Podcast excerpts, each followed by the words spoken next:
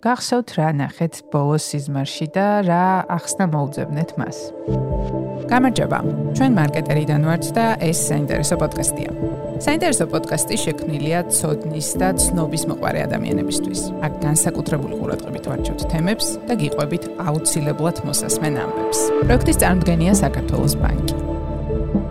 ჩვენ მხოლოდ დღე არ ვცხოვრობთ სიზმრებშიც ვაგრძელებთ ცხოვრებას და ზოგჯერ ძალიან მნიშვნელოვან ქმედებებსაც ჩავდივართ იქ. ასე გვარწმუნებს იუნგი. არის თუ არა სიზმარი ტვინის რენდომ აქტივობის შედეგად გენერირებული პროდუქტი თუ მის უკან გაცილებით მნიშვნელოვანი ახსნა დგას. არის თუ არა ის მართლაც ჩვენი რეპრესირებული სურვილების ექსპრესია, როგორც ამას ფროიდი გვეუბნება. სიზმრების შესახებ უამრავი თეორია არსებობს. მათი ინტერპრეტირება მართლაც ცალკე ხელოვნებაა, თუმცა დღევანდელი შესაძლებლობების ფარგლებში მეცნიერებს კიდევ უფრო მეტი ვალიდური არგუმენტაცია აქვთ ხელთ და კვლევების შედეგად შეგვიძლია დავასკვნათ თუ რა ხდება ჩვენს ტვინში, როცა სიზმრებს ნახულობთ. რა გავლენა აქვს მას ჩვენ ფიზიკურ და მენტალურ ჯანმრთელობაზე და აქვს თუ არა მას რაიმე საერთო წინასწარმეტყველებასთან ან სასწაულებრივ ფენომენებთან. ერთი სიტყვით, ძალიან საინტერესო ფანჯარას გამოვაღებთ დღეს, რაშიც ჩვენი დღევანდელი სტუმარი, სამეცნიერო ჟურნალისტი ზაზა დობორჯგინძე დაგვეხმარება. გამარჯობა ზაზა, მადლობა რომ გვეწვიეს სტუმრად ამ ძალიან ძალიან საინტერესო თემაზე სასაუბროთ. პირველ რიგში კითხავ როგორ გძნობ თავს. ძალიან მიყვარს ხოლმე ამ კითხვას როცავს. და როს ვიღებ ხოლმე ან შაბლონურ პასუხს, ან ზოგჯერ ფიქრდება სტუმარი და მართლა როგორც გძნობს თავს ისე პასუხობს ხოლმე და მაინტერესებს შენ როგორ ისა. კარგავს ვზნობ თავს, იმიტომ რომ რომ მომიწვია მე როდესაც პოდკასტში მივდივარ, ყოველთვის ვთქვი რომ აპდეიტინგი გავაკეთო. სიზმრებზე ხა ფროიდი და სხვადასხვა ავტორი წაკითხული მქონდა და ეხლა გამოყავი დრო და წავიკითხე მეთიუ ვოკერის ახალი წიგნი არის Why do we dream? რომელიც ნეირომეცნიერია და ყველაზე ბოლო data რაც არის, ეგ იყო, ოღონ დაწყებული იყო ჯერ კიდევ თქვათ ძველი საბერძნეთიდან და ეგვიპტიდან, სადაც ფიქრობდნენ რომ სიზმრები არის ღმერთების კომუნიკაციის გზა ადამიანებთან და პირველი ვინც თქვა რომ ესე არ არის და არამედ სიზმრები არის ყოველდღიური ცხოვრების მასალის საფუძველზე რაღაცის რეპროდუქცია იყო არისტოტელე. აჰა. და არისტოტელე იყო პირველი, ვინც რაღაცნაირად უფრო რაციონალურად მივიდგა ამ თემას, მაგრამ შემდეგ ყველაზე ესეთ ფორმალიზებული მაინც თეორია ჰქონდა ფროიდს, რომელიც ამ თანამედროვე მეცნიერების თანახმად საბოლოო ჯამში 50%-ით მართალი იყო. რეპრესირებულ სურვილებს სიზმრების ახსნასთან მიმართებაში ფროიდს აქვს ციგნი სიზმრების ინტერპრეტაცია, სადაც გაშლილი აქვს თეორია, რომ სიზმარი სინამდვილეში არის ორი პროცესი. ერთი არის манифестური სიზმარი, ანუ ის სიუჟეტი თუ სცენარი რაც ხდება სიზმარში და მეორე არის ლატენტური სიზმარი, ის რასაც სინამდვილეში განასახიერებს სიმბოლურად ეს სიზმარი. ფროიდის თეორიის თანახმად ეს უმეტესად არის სექსუალური სიმბოლოები, მაგალითად ჰასტუხი თუ კესიზბრება აუცილებლად ფალიკური სიმბოლოა და რაღაც ეს და ეს საბოლოო ჯამში მკაცრად მეცნიერულად თუ მივიდგე, მივიდგეთ და ასე თქვა პოპერის თეორიის მიხედვით ზედმეტად ზოგადია. აჰა. ზედმეტად ზოგადია აა იმისთვის რომ იყოს გადამოწმებადი ბევრი რამ, მაგრამ ცენტრალური იდეა რაც თავარი იყო ფროიდის იყო ის რომ მან თქვა პირველად რომ ტვინში უნდა ვეძებოთ სიზმრების საფუძველი. კი, აუცილებლად.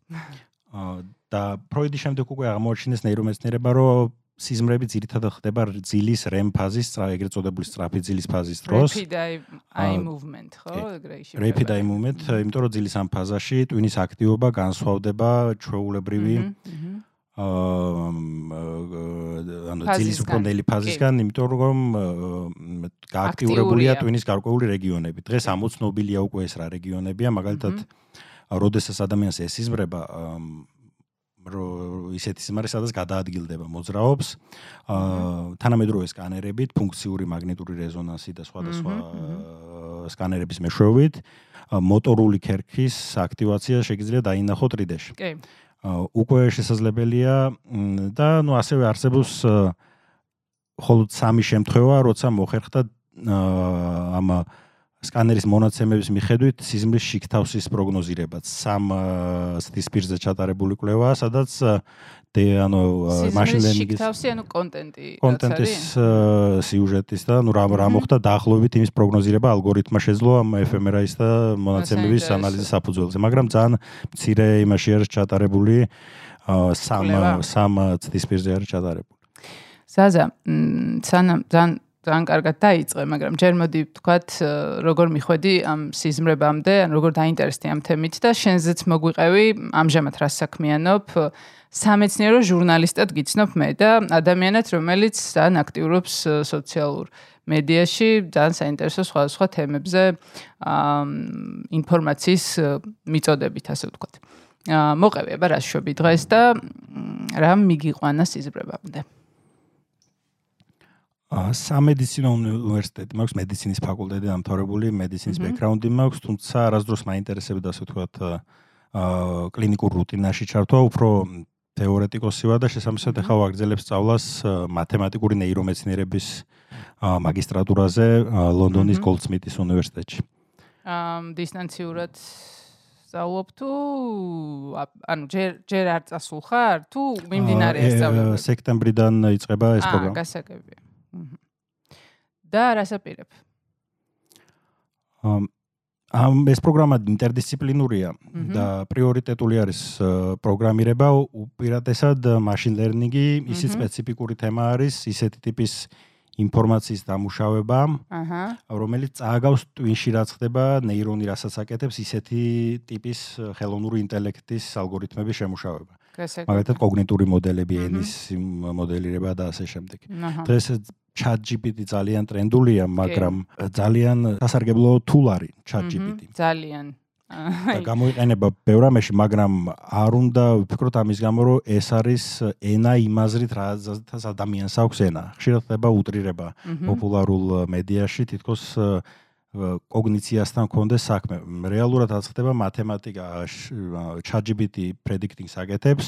სტატისტიკურად ინგლისურ ენაში most likely სიტყვა რა შეიძლება იყოს. ანუ ეგრე ან მე მაგალითად ძალიან მარტივად ხვდები ხოლმე მეილი როცა არის დაწერილი ChatGPT-ს მიერ, იმიტომ რომ ეგ არ არის რაღაც ადამიანური ენა რა, ანუ ძალიან ეტყობა ხოლმე რომ აი ვიღაცა თუ არაფერს არ ხედავ ამაში პრინციპში, იმიტომ რომ პირიქით მივესალმები მას, რომ როცა ძალიან ბევრი დრო აღარ ხარჯოთ ადამიანებმა ისეთ რაღაცებში, რაც შეიძლება რომ ჩატმა აკეთოს ჩვენ მაგივრად, მაგრამ აი ძალიან ხელოვნური არის ხოლმე თითქოს რა, ეს სიტყვები, ფორმულირება წინადადების, რაც მეილ მეილებში და წერილებში შეინიშნება ხოლმე, მარტივი ამოსაცნობი არის ხოლმე.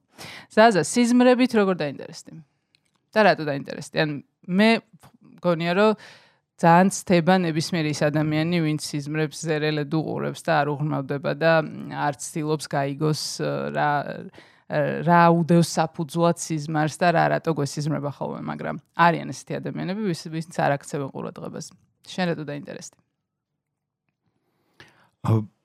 რატო დაინტერესდი და რა რა ინფორმაცია მოიპოვე ამ მიმართულებით? აქ რომ მოგიწვიე, ტყუილად არ მომიწვევი ხარ, ანუ ნახე რომ ეს თემა რაღაცნაირად ახლოს არის შენთან. ოკეი, ნებისმიერი ტიპის ანუ ცნობიერი პროცესი ზოგადად საკმაოდ რთული საკვლევი თემაა. არა მხოლოდ სიზმრის, არამედ ნორმალური ცნობიერების თუნდაც ნეირომეცნიერება. ან ობიექტურად როგორ უნდა შეხედო, იმიტომ რომ მიუხედავად იმისა, თუ რამდენი თეორია არსებობს ამ სიზმრების შესახებ, არსებობს ვარაუდიო თქვა, ეს არის ევოლუციური ადაპტაცია იმისთვის, რომ ოდესას პირველ ყოფილ ადამიანს ძინავს საფრთხის შემცველ გარემოში, თქვა ტემპერატურა ძალიან ქვემოთ არ წამოვიდეს და რაღაცა აქტივირებული იყოს. აა ეს თეორიაც არსებობს. ხო, რომ თერმორეგულაციაში მონაწილეობს ასევე. აა არსებობს თეორია, რომ მეხსიერების კონსოლიდაციისთვის არის აუცილებელი. აა მაგრამ საბოლოო ჯამში პრობლემა სიზმრების კვლევის და სხვა ტიპის კოგნიტური პროცესების კვლევის არის ის, რომ სუბიექტური აა გამოცდილება. აჰა. აა თქო სიზმარში ფრენის გამოცდილება, როდესაც გაქვს, განისტება ისე როგორც რეალური. კი, ძალიან ძალიან ეს თავისი არსით გავს ფსიქოზურ მდგომარეობას, რო დაფიქრე, ხო? delusional არის სიზმრის self-ი.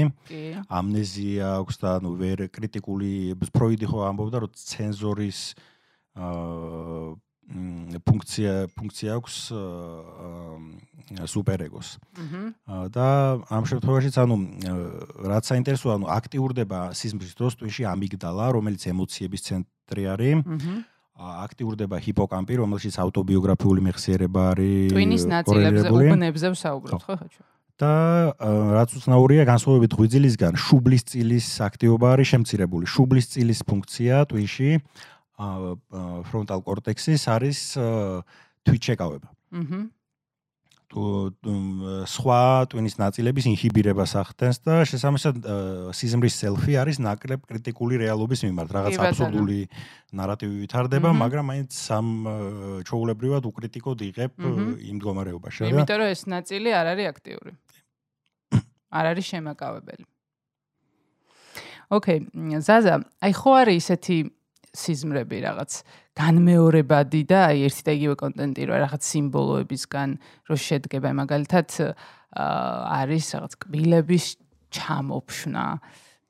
თუ როგორ თქვა რო ცვივათ ადამიანებს კბილების სიზმარში არის რაღაც კატა არ ვიცი გველის სიზმარში. ხო და ამას აქვს რაღაცნაირი ინტერპრეტაციები რომ ეს რაღაცას ნიშნავს. აი არის თუ არა მეცნიერულად ვალიდური ეგ ინტერპრეტაციები და აა რეალურად მართლა რას ნიშნავს ეს განმეორებადი სიზმრები, როცა ერთი და იგივე სიუჟეტი არის ხოლმე და ის რაღაც აი კონკრეტული მონაკვეთი არის, ან სიმბოლო, რაც საიდანღაც გამომდინარეობს აშკარად, ხო? თუ ზოგჯერ სრული უაზრობა და რაც ლოგიკურად ვერ მიყვები ხოლმე მე პირადად. აა საინტერესო კვლევებია მაგალითად ძილის დამბლაზე, როდესაც ადამიანს ევლინება რაღაც არსება, არქეტიპული არსება სიზმრების შინაარსისგან და ეს არის ზღვარი მდგომარეობა სლიფარალისის, როდესაც ძილის და ღვიძლის პათოლოგიური გადაკვეთის წერტილი არის და მე მქონია ეგ სამწუხაროდ. განმიცდია. განიცდია შენ? კი. მოსახლეობის პროცენტი ზუსტად არ მახსოვს არც ის მცირე პროცენტი არის ვინც ძილის დამბლის ოღონდ არის ისეთ შემთხვევები როცა ეს ქრონიკულია და ადამიანები იტანჯებიან მთელი სიცოცხლის განმავლობაში. არის შემთხვევები როდესაც თვეში რამდენიმეჯერ შეიძლება იყოს. და რაღაცა სტრესთანაც აკავშირებენ ხო მაგ ეპიზოდებს არ ვიცი ზუსტი ახსნა რა, ძალიან ბევრი ვიკვლია და ვიკითხე, როცა პირველად განვიცადე ეგ, სანამ მივხვდი რა იყო და სანამ სახელი დავარქვი, რასთან მქონდა საქმე, იმიტომ რომ ძალიან შემაშინებელი იყო. სწრაფი ძილის დამახასიათებელი არის ის, რომ მოტორული დამბლა ხდება. როდესაც გესიზრება ყველაზე აქტიურად სიზმარი. აჰა. სხვათა შორის ნელი ძილის დროსაც გვესიზმრება სიზმრები. ოღონდ ეს სიზმრები არ არის შინაარსის მქონე, არამედ არის აბსტრაქტული აზრები ან რაღაც ემოციები ან რაღაც ისეთი არც ისე კონკრეტული. ეს არის ფართო გაგებით სიზმარი. მაგრამ სწრაფი ძილის დროს არის, როდესაც სიუჟეტი ვითარდება უკვე და ჩემი კითხვა იყო, რომ აი შაბლონური სიზმრები ესე დავარქვათ, მოდი რო არსებობს, აი განმეორებადი რაღაც ერთი და იგივე უაზრო აქტი ან რაღაც აი სიმბოლო რო ფიქსირდება, ეგ როგორ როგორ გენერირდება და რა რა როგორ აიხსნება? აი რაღაც ხო წე რო დაგუგლო და რო ნახულობ რაღაც აი შაბლონურ ახსნებს, რომ აი კატა სიზმარში ან გველი სიზმარში ნიშნავს ამას ამას, ხო? აი რამდენად ვალიდური არის ეგ ინტერპრეტაციები მეცნიერულად, ხო? ეკითხე. იმდენად ვალიდურია, რამდენადაც ფსიქოანალიზი არის რა. ანუ კარლ იუნგი იყო, ვინც თქვა თბჯელობდა არქეტიპულ კოლექტიურ არაცნობიერის არქეტიპული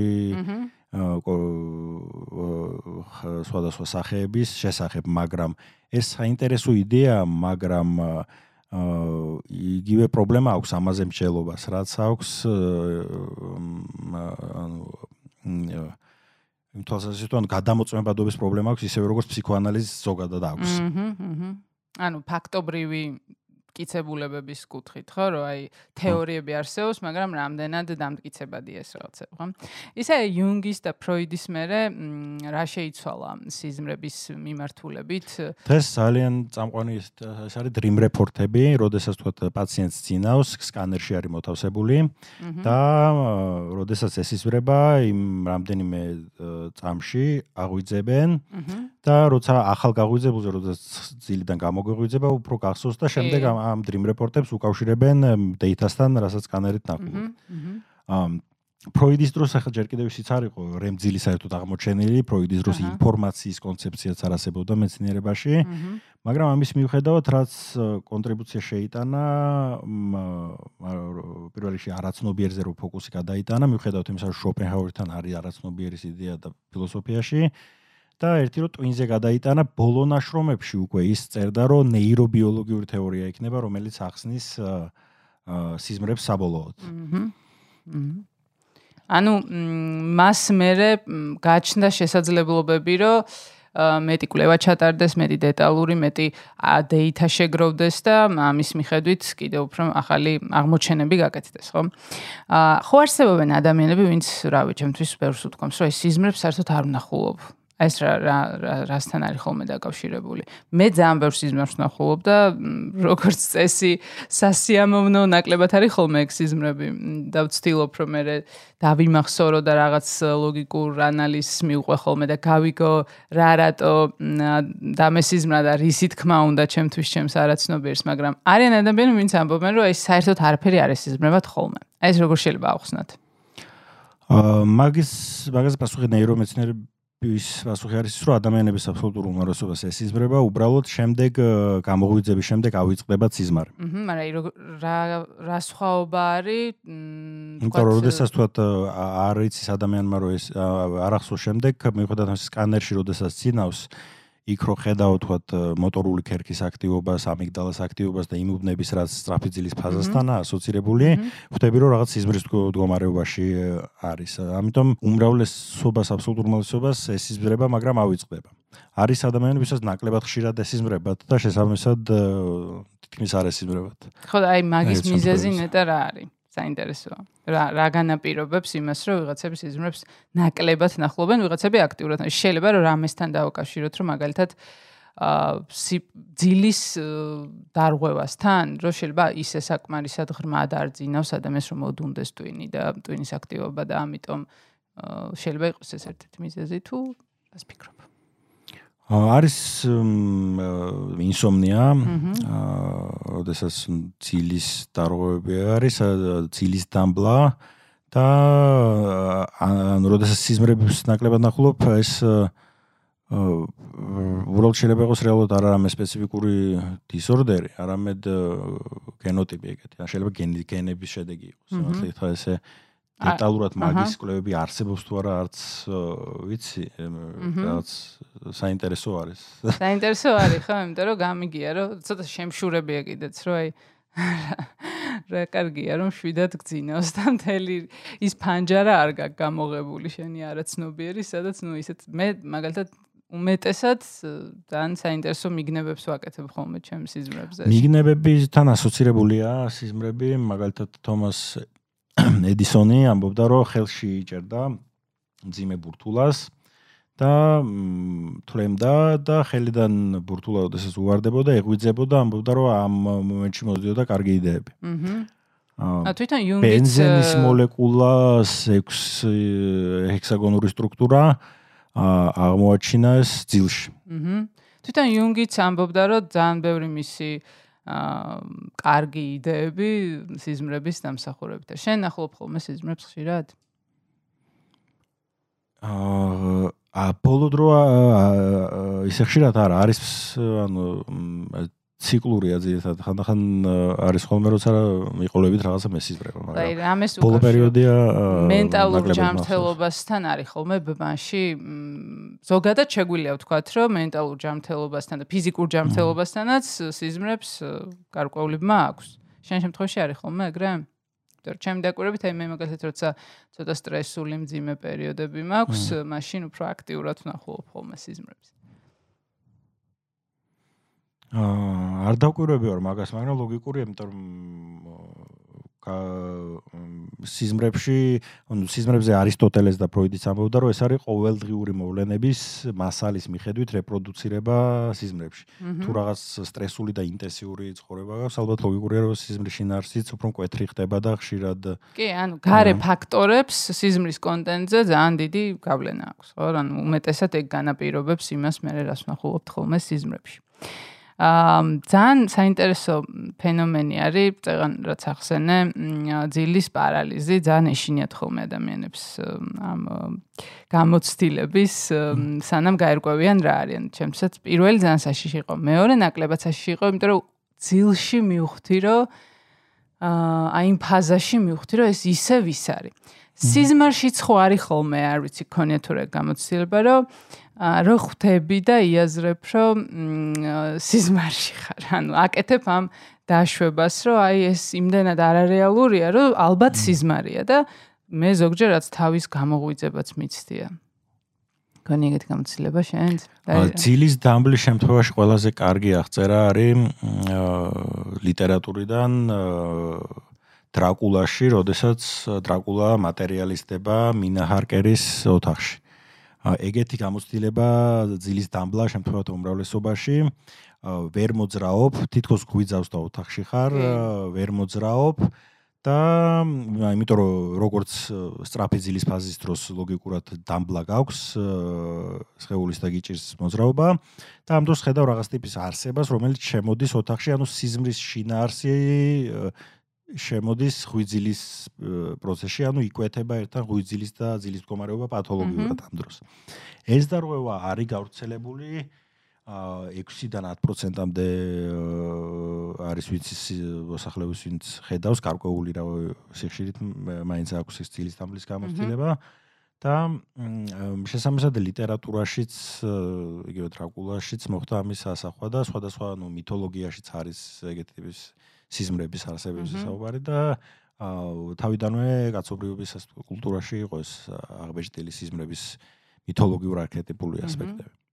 და აი რო შეიძლება რომ მიხვდე სიზმარში რო სიზმარია, ესეც ამას ეწოდება lucid dreaming-ი. lucid lucid dreaming-ი, როცა უკვე შენ შეგიძლია მართო ფაქტობრივად, ხო შენ? უამრავი ის უნახებ ცადე ტიუტორიალი ყველანაირი ამ YouTube-ზე. და არ გამოგივინა. ვიღაცები ამბობენ რომ სწავლობენ. ვიღაცები ამბობენ, იმიტომ რომ საბოლოო ჯამში suggestions-ია. მაგათ ჰიპნოზის ვიდეოებიც მიცდია და თუ ძალიან suggestions მოახდენ თვით ჰიპნოზით შესაძლებელია რაღაც იმებით, მაგრამ მაინც საბოლოო ჯამში უმეტესობა YouTube-ზე რაზდევს რაღაცა ისინი არის ხოლმე. ბევრი საიჭო რაღაცები. მე რამდენიმე ეპიზოდი მქონია, რომ აი თითქოს ალბათ ეგ არის ხო lucid dreaming-ი, რაც როცა შევიგძენი, რომ თითქოს მე მართავდი ამ სიზმარს და მე მივეცი მიმართულება, როგორ განვითარებული იყოს და ძალიან სასიამოვნო შეგრძნება არის, რომ ეგ ძალაუფლება გეძლევა სიზმარში. თუმცა დიდხანს აგზელდება. ისე რამდენ ხნიანი არის ხოლმე სიზმრები, ხო ამბობენ, რომ რაც ზოგჯერ შეგრძნება გაქრო, ეს მთელი ცხოვრება გავიდა და ძალიან დიდი დრომა სიამოვნოში ძალიან მოკლე არის, ხო? მოკლე. ფროიდს აქვს აღწერილი ერთ შემთხვევა, როდესაც რამდენიმე წუთის სიზმარის მიმდინარეობაში მოხდა ის, რომ მთელი საფრანგეთის რევოლუცია მიმდინარეობდა და ბოლოს გილიოტინაზე ჩამოაჩვეს ეს ტიპი, ვისაც ეს სიზმრებოდა და ეს ყველაფერი მოხდა მაშინ, როცა კარადიდან გადმოვარდა რაღაც ნიუთი და კისერზე დაეცა აა და სრულიად სხვანაირი მიმდინარეობა ჰქონდა დროს, ასე ვთქვათ, სიზმრის და დროის აღქმა შეცვლილია ისე როგორც ვთქვათ, შეიძლება შეიცვალოს ფსიქოდელური ნივთიერების ზემოქმედების ქვეშ ან ფსიქოზური მდგომარეობის დროს, ეს ძილიც არის ცნობიერების ალტერნატიული მდგომარეობა ერთ-ერთი. კი ბატონო. აა ხო არის ხოლმე რაღაცა მითქმა მოთქმა, რომ რაღაცები ამტკიცებენ მოკლედ, რომ მე წინასწარ მეტყველურ აა ფუნქციას რო ანიჭებენ ხოლმე სიზმრებს გარკვეულწილად, რომ აი ეს დამესიზმრა და მე მართლა მოხდა. მე მაგალითად დამთხევითობას ვაწვევი ხოლმე. ეგ დამთხევითობის შედეგი, იმიტომ რომ სხვა შემთხვევაში რაღაც სასწაულთან ადამიანებს უფრო ახსოვთ ის სიზმრები, სიზმრების უმეტესობა ხო არ რეალიზდება. აჰა. და როდესაც ერთი სიზმარი მაინც რეალისტა რაღაცა დაემთხვა, ამას ანიჭებენ უფრო დიდ მნიშვნელობას და კონიათ რომ წინასწარმეტყველური აა უნარი აქვს. აქვს. ფიზიკის ფუნქციაზე ის მოსაზრებაც არსებობს, რომ უბრალოდ ეპიფენომენია. ეპიფენომენი ქვია მოვლენას, როდესაც მაგალითად მიმართება ტალღას და ტალღის ქაფ შორის. ქაფით კაუზალურ ძალას არ თამაშობს, თქვა ტალღის ფორმირებაში და გადაადგილებაში, უბრალოდ ზედაპირული ფენომენია, ფუნქცია არ აქვს. და ნაწილი მეცნიერების ფიქრობს, რომ აა შეიძლება უბრალოდ შემთხვევითი ნეიროლოგიური ელექტრული აქტივობის ბაიპროდუქტი იყოს და არ იყოს რამე ღრმა საზრისი, ასე ვთქვათ, კონკრეტულ სიუჟეტში, რომელიც ხდება. აჰა. რაც შეიძლება არც ისე exciting თეორია, მაგრამ იქნება გამომდინარე, რომ დაასაბუთებული ბოლომდე არც ერთი ეს თეორია არ არის ისე მყარად, როგორც ვთქვათ, კაცრი მეცნიერული აა იმ თუ შევხედავთ, გადამოწმების თვალსაზრისით. თუმცა ჩვენ ვიცით უფრო მეტი გაცილებით ვიდრე იწოდა ფროიდის და იუნგის დროს ვიდრე იწოდნენ ადამიანებმა იმ თვალსაზრისით თუ ფიზიოლოგიურად რა ხდება სიზმრის პარალელურად, მაგრამ საბოლოო ჯამში ისეც არ უნდა გავიგოთ თითქოს ეს სტრაფიძილი რემძილის ფაზა არის აა იდენტური რაც სიზმარი, იმიტომ რომ სიზმარი არის ფენომენოლოგიური შინაარსი. რაღაცა რაც ხდება, ფერს აღიქვამ, წითელი ფერ რაღაცას ასეც აღიქვამ, ისევე აღიქვამ, როგორც თქვა ღვიძლის მდგომარეობაში. რამეს რო უყურებ. შოულებრივ ფენომენოლოგიური ცნობიერი სუბიექტური გამოცდილება. კი. და ამის ახსნა მთელი პრობლემა არის ის, რომ სუბიექტური გამოცდილება როგორ წარმოიქმნება ტვინის ბიოელექტრულ ობიექტურ აღწერილობაში, ამის თეორია არ არსებობს. ნეირომეცნიერება შეიძლება ითქვას, რომ არის ფიზიკას რო შევადაროთ აინშტაინამდელ ბაზაში მაინც.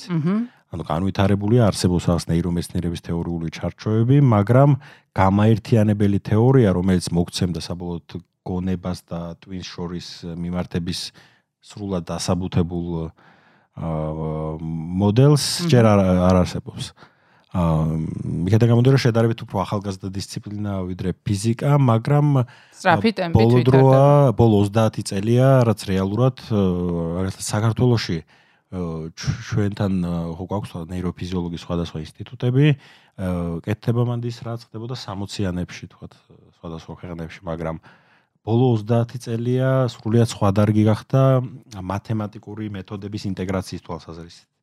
დღეს ნეირომეცნიერს მოეთხოვება რომ დიფერენციალური განტოლებების ამოხსნა უნდა იწოდეს. აა და პროგრამირება MATLAB-ში და Python-ში. მაგიტო ჩააბარე შენ ლონდონში ხა? რა ეს ყველაფერი უნდა იცოდე. აა ზაზა, სიზმრებსო დაუბრუნდეთ. აა кошмарებს, ეხო არის ძალიან ხშირად რომ ადამიანები ნახულობენ кошмарებს, ხო? რა ახსნა აქვს ან ფროიდის მხრიდან ან იუნგის მხრიდან ხო არ გაქვს შენ ამაზე ინფორმაცია როცა ადამიანი ნახულობს სიზმარში кошмарს აი ეს რასთან არის ხოლმე დაკავშირებული და ძალიან ხშირად არის რომ განმეორებად кошмарებს ნახულობს. ძალიან ხშირად არის რომ PTSD ვისაც აწუხებს, იმას ნახულობს სიზმარში. თუ გაქვს რამე ინფო ამაზე.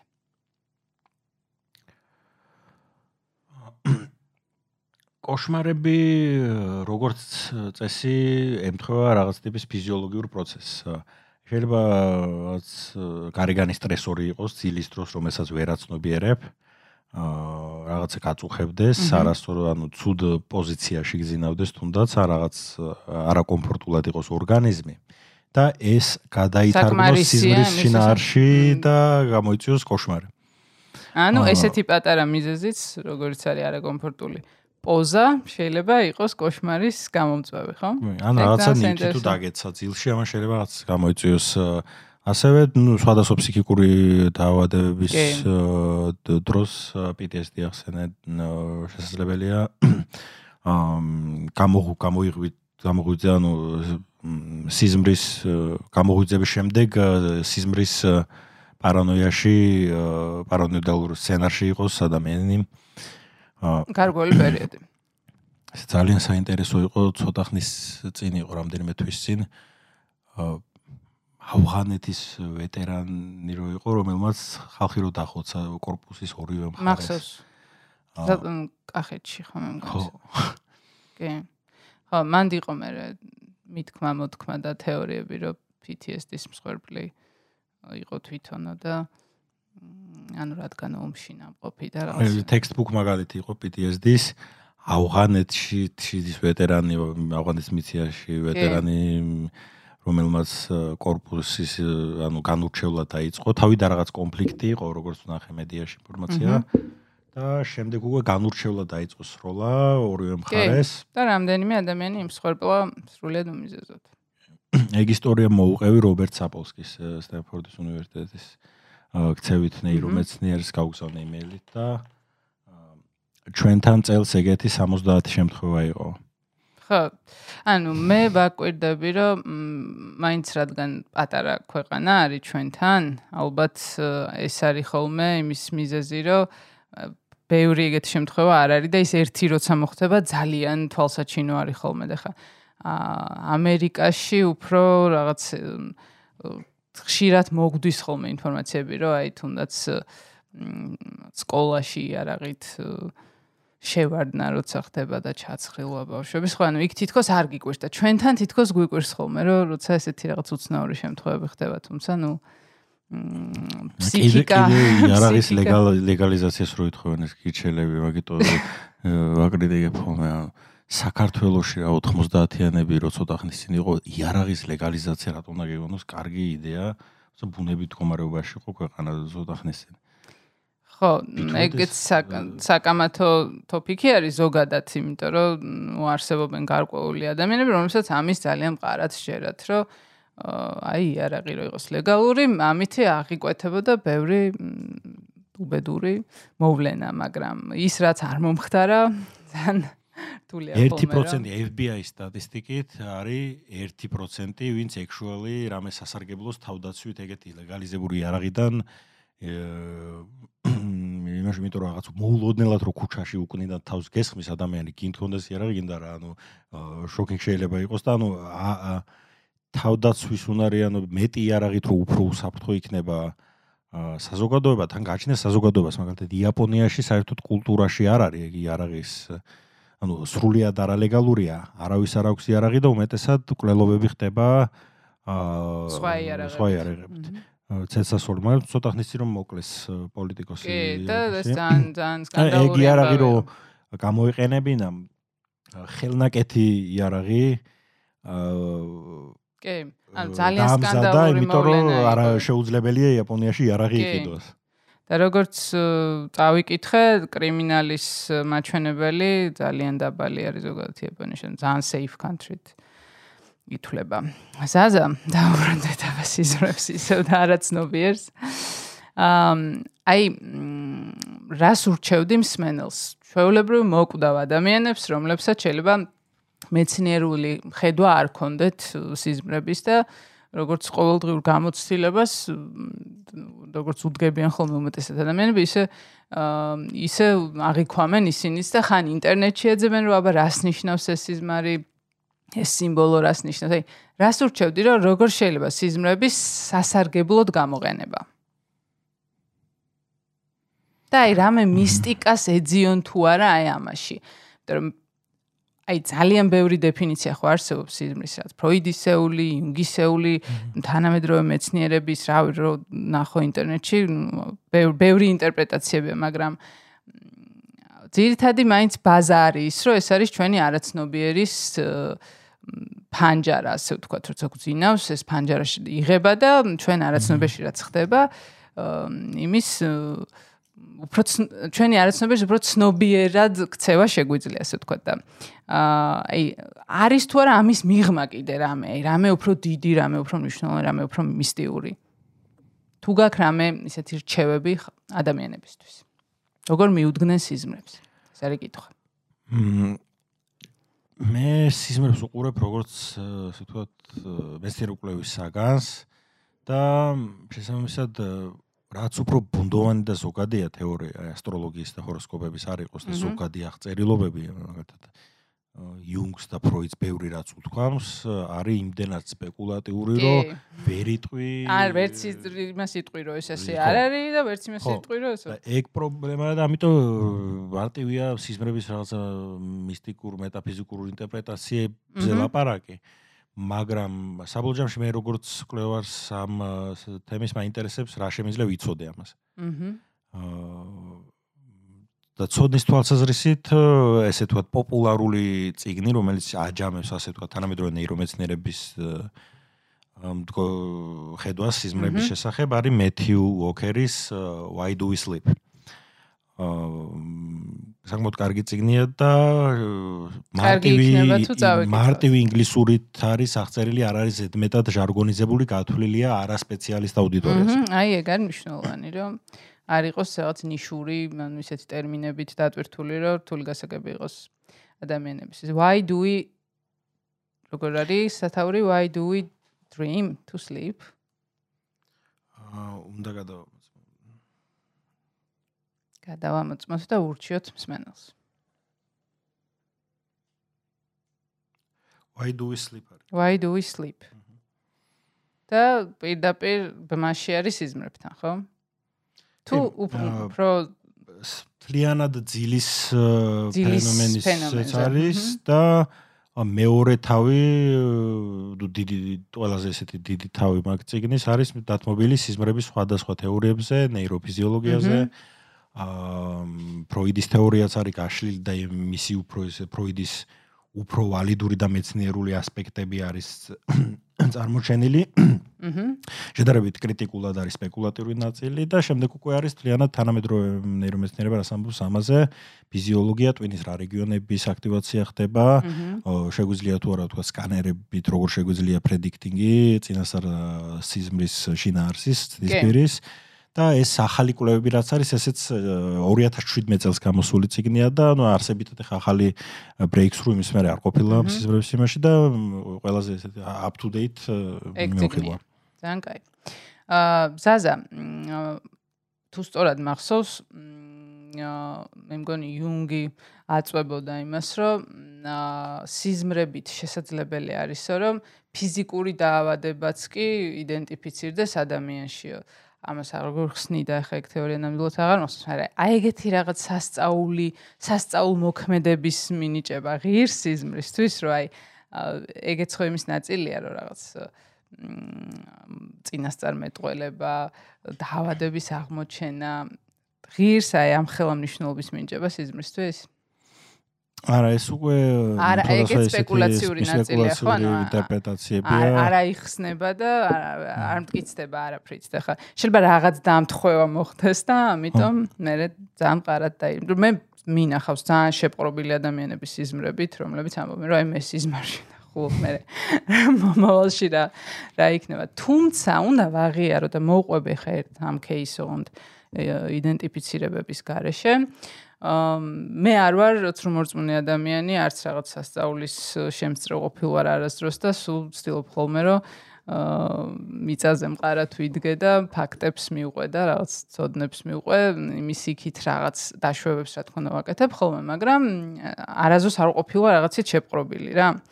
და სულ ვერიდები ეგეთ რაღაცებს, მაგრამ აი სიზმრებთან მიმართებაში ერთი ისეთი უცნაური кейსი მქონდა. აა მე პირადად არა დედაჩემს ჰქონდა, თუმცა მეც თანამონაწილე ვიყავი. მოკლედ ერთ დღეს გაიღვიძა დედაჩემა და მიზიარებს თავის სიზმარს, რომელიც ეხება ჩვენს ნაცნობ ადამიანს, ოღონდ არა იმდენად ნაცნობ და ახლობელს, რომ სიზმარში გეწვიოს, თუმცა ნუ რაღაცა რენდომ აა ფაქტმა გამოიწვია ალბათ, რომ ის გაჩნდა დედაჩემის სიზმარში, მაგრამ გაჩნდა სიზმარში, სადაც ის სადაც მოხდა მისი გარდაცვალება, ანუ გარდაიცვალა ეს ადამიანის სიზმარში და ცოტა ესეთი ცუდი სცენარი იყო რა, ანუ კრიფი იყო ყველა დეტალი.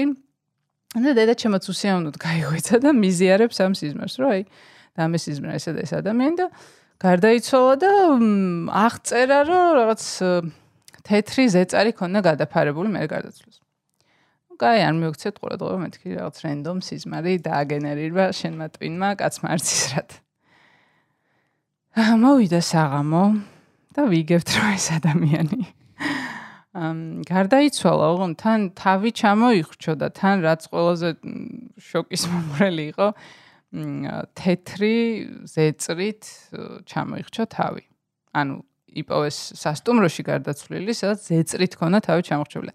ისეთი შოკის მომგრელი იყო ეგ ინფორმაცია ჩემთვისაც და დედაჩემისთვის, რომ ორივე თქვით, რომ მოდი ახლა არ არ დავიწყოთ ამის ახსნის ძიება და მოდი კიდევ ვთქვათ, რომ ეს იყო უბრალოდ შემთხვევითობა და დამთხვევითობა. რაღაცა ეგეთი სასწაულები ზოგჯერ ხდება ხოლმე რა, ჭალებში სასწაულები. კაც არ ვიცი ამას რა ახსნა მოუძებნა, თუმცა low probability რაღაც მოვლენები რაც შეიძლება მოხდეს. პრობლემა ის არის, რომ როგორ უნდა გადაამოწმო რა არის ამის ახსნა. ხო, აი ვერაფრით. და ამის თვათ მაშინ უნდა ჩაატარო სისტემატურად კვლევა საზოგადოებაში ეგეთ გამოცდილებებზე. აჰა. და მოიძიო რაღაცა თეორიული ახსნა ამის. ხო, ანუ ვერაფერს ვერ იტყვი ვერჩენ. ეგ არის. აი მგონია რომ ზუსტად ეგეთი რაღაცები არის, რაც ამ სიზმრებს მაინც მიუხედავად მეცნიერების წინსვლისა და კვლევებისა და რაც ტოვებს მაინც რაღაცნაირ მისტიურ მოვლენად და როგორც არ გინდა როგვერდი აუარო ეს რაღაც მისტიკას უ დაძდევს სიზმრებს და ჯერჯერობით კაცობრიობა კარგად ვერ გაერკვა რომ აი რეალური საფუძველი ზოგჯერ აუდოს ხოლმე სიზმარს და დანიშნულებაც რა არის სიზმრებს. მე ძალიან პრაქტიკულად ვიყენებ ხოლმე რიგ ნაწილებში იმიტომ რომ ძალიან ბევრჯერ კრეატიული კრეატივ ხო აზრო კრეატიული აზრების წყარო შეიძლება იყოს სიზმრების საკუთარი სიზმრების თვითანალიზი კი კი კი. ასევე აი არტისტებისგან მომისმენი ხშირად რომ სიზმარში ნანახს ხატავენ ან თუნდაც ლიტერატურაში გადმოაქვთ. ანუ ძალიან გამოსადეგი რამე შეიძლება იყოს რიგ შემთხვევებში.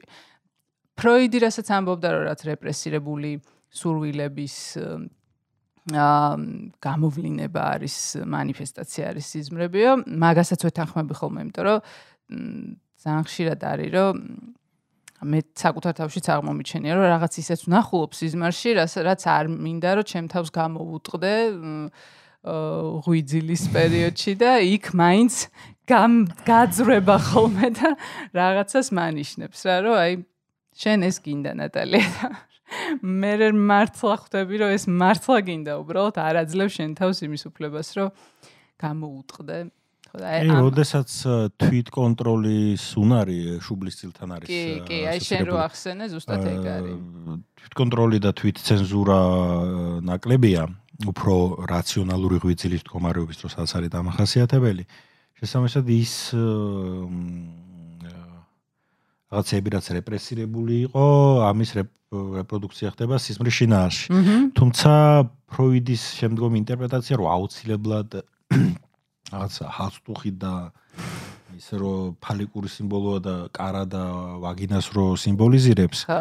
ამნაირი ინტერპრეტაციების არის საბოლჯამში სემ ისა რა ქვია ლიტერატურას და მითოლოგიას და რაღაცა ეგეთის სტილი უფრო ვიდრე მეცნიერული. მეცნიერება ხო.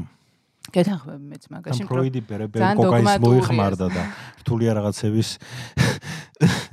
რთულია რაღაცების დაჯერება მისთვის ზოგჯერ კი რამე ისეთი სიზმარი თუ გახსენდება შენი ყველაზე უცნაური რაც რამაც დაგამახსოვლა თავი? თუ ორ წამში ვერ მიპასუხებ ესე იგი არ გახსენდა ძილის დამბლის შემთხვევები მქონდა ხოლმე ადრე უფრო ხშირად ეხლა ნაკლებად. და საკმაოდ გამოკვეთილად იყო ჩვეულებრივი ჰალუცინაცია როცა რაღაც ტიპის არსება დაახლოებით ისეთი როგორიც არის მითოლოგიაში დრაკულაში რაღაცნაირი ეგ ძალიან დამახასიათებელი არის ამ ძილის პარალიზის დროს ეს არს არსება პერსონაჟი რაღაც ან საშიში. თუმცა მე არც ერთხელ რაღაც ტიპის ბოროტი, ავი, პრეზენსის აუცილებლად ეგრე უნდა იყოს. კი, კი. რო გიახლოვდება და გიხურებს ან რაღაც. მაგრამ უცნაური ისაა რომ მე მაგალითად პირიქით, ანუ ყველა კომპონენტით ძილის პარალიზი იყო, მაგრამ აი პერსონაჟი არ არ იყო ჩემს ძილის მაგ მდგომარეობაში. არ ვიცი რატო. რომ დავარისერჩე მე ეგ თემა ყველგან მაინც ფიგურირებდა ეს რაღაც საშიში არსება და ჩემთან არ იყო. თუმცა ის რო აი გონია რომ გაიღვიძე და რაღაც ჩვეულებრივად ხარ და ეხლა ისაც არის უნდა წამოდგე და გაინძე და ვერ ინძრევი საერთოდ და დანარჩენი ყველაფერი თითქმის იდენტურია. იმისა, რაც გაღვიძების ჩვეულებრივ მდგომარეობაში ხდება, ძალიან საშიში შეგრძნება. მაგრამ მაგის ახსნებიც ესე, რასაც ვკითხულობდი ინტერნეტში, იქაც ბევრნაირი ეს არის თეორია, რატო ხდება ეს ძილის პარალიზი. ზოგი სტრესთან აკავშირებს, ზოგი რა. ძილის დამბლაზე ყველაზე კარგი ციგნი არის პოლ ბროქსის ნეიროფსიქოლოგია, პოლ ბროქსი Darker the Night, Brighter the Stars. აა ციგნი არის, რომელიც შეიცავს ნევროლოგიურ кейსებს, რაც ჰქონდა, რასაც ჰქონდა როგორც კლინისის შეხება ძილის დამბლის. ასევე არის რაღაც მხატვრული ლიტერატურის სხვადასხვა თავებია და სხვადასხვა ჟანრში არის, მაგალითად იგივე ლიტერატურაზე წერს დრაკულას უკავშირებს მე მგონი დღეს სახში რო წავალ დრაკულას ვუყურებ ახლა. იმდენჯერ ახსენე რომ ასევე თავის პირად ტრაგედიაზე ყვება და ანუ ესეთი მიქსტ ციგნია, არ არის ესეთი მშრალი scientific psychology. არამედ არის მითოლოგია, ბერძნული მითოლოგია, ერთ-ერთი თეორია სოთაშორის რაც მაგ ციგში არის გაშლილი, არის ჯულიან ჯენსის თეორია. ფსიქოლოგი, რომელიც ამტკიცებდა, რომ ძველი ბერძნული მითოლოგიის პერსონაჟები პერსონაჟებს ხალხი მართლა ხედავდა. ვიდრე არ მოხდა კულტურის უფრო რაციონალიზაცია, ის შინაგანი დიალოგი, რაც ახლა ჩვენ გვაქვს საკუთარ თავთან, იყო ექსტერნალიზებული მითოლოგიურ პერსონაჟებში და ექშუელი ხედავდა ის ხალხი რო ელაპარაკებოდა. ეხა ესეც ხო როგორი სპეკულაცია ვინ იცის ხო? რო ეგრე იყო. მაგრამ ესეც არის და ამიტომ საინტერესო თეორია მართლა ბევრია წაგეთვის პროცესში აა ძალიან საინტერესო რაღაცებს გადაწყდები, მაგრამ ყარად ცოტა რამე ვიცით ყარად არის ნეიროფიზიოლოგია ამ ყველაფრის, თქვათ და შეგიძლია თქვათ პროგნოზირება დაახლოებით ჩიქთავს ის სიზმრის. და ასევე თქვა რა მოძრავი სიზმარია თუ არა, მაგრამ საბოლოო ჯამში თეორია რაც დემისტიფიცირებას ბოლომდე მოახდენდა, ანუ ის და ყველაფერს ახსნიდა ჯერჯერობით ამის ფორმირებული არ არის. თუმცა მე მჯერა რომ სადღაც ისე მინდა რომ ყველაფერში მაგას ჩავეჭიდო რომ მედია რომ ამ თემაშიც ჩავეჭიდებ. ზაზა ძალიან დიდი მადლობა საინტერესო ინფორმაციის გაზიარებისთვის. ბევრი წარმატება შენს საქმიანობაში, კარგი სიზმრები, საინტერესო სიზმრები და მაშინაც. მადლობა საინტერესო კითხვებისთვის. დროებით. თქვენ უსმენთ საინტერესო პოდკასტს. პროექტის წარმოდგენია საქართველოს ბანკი.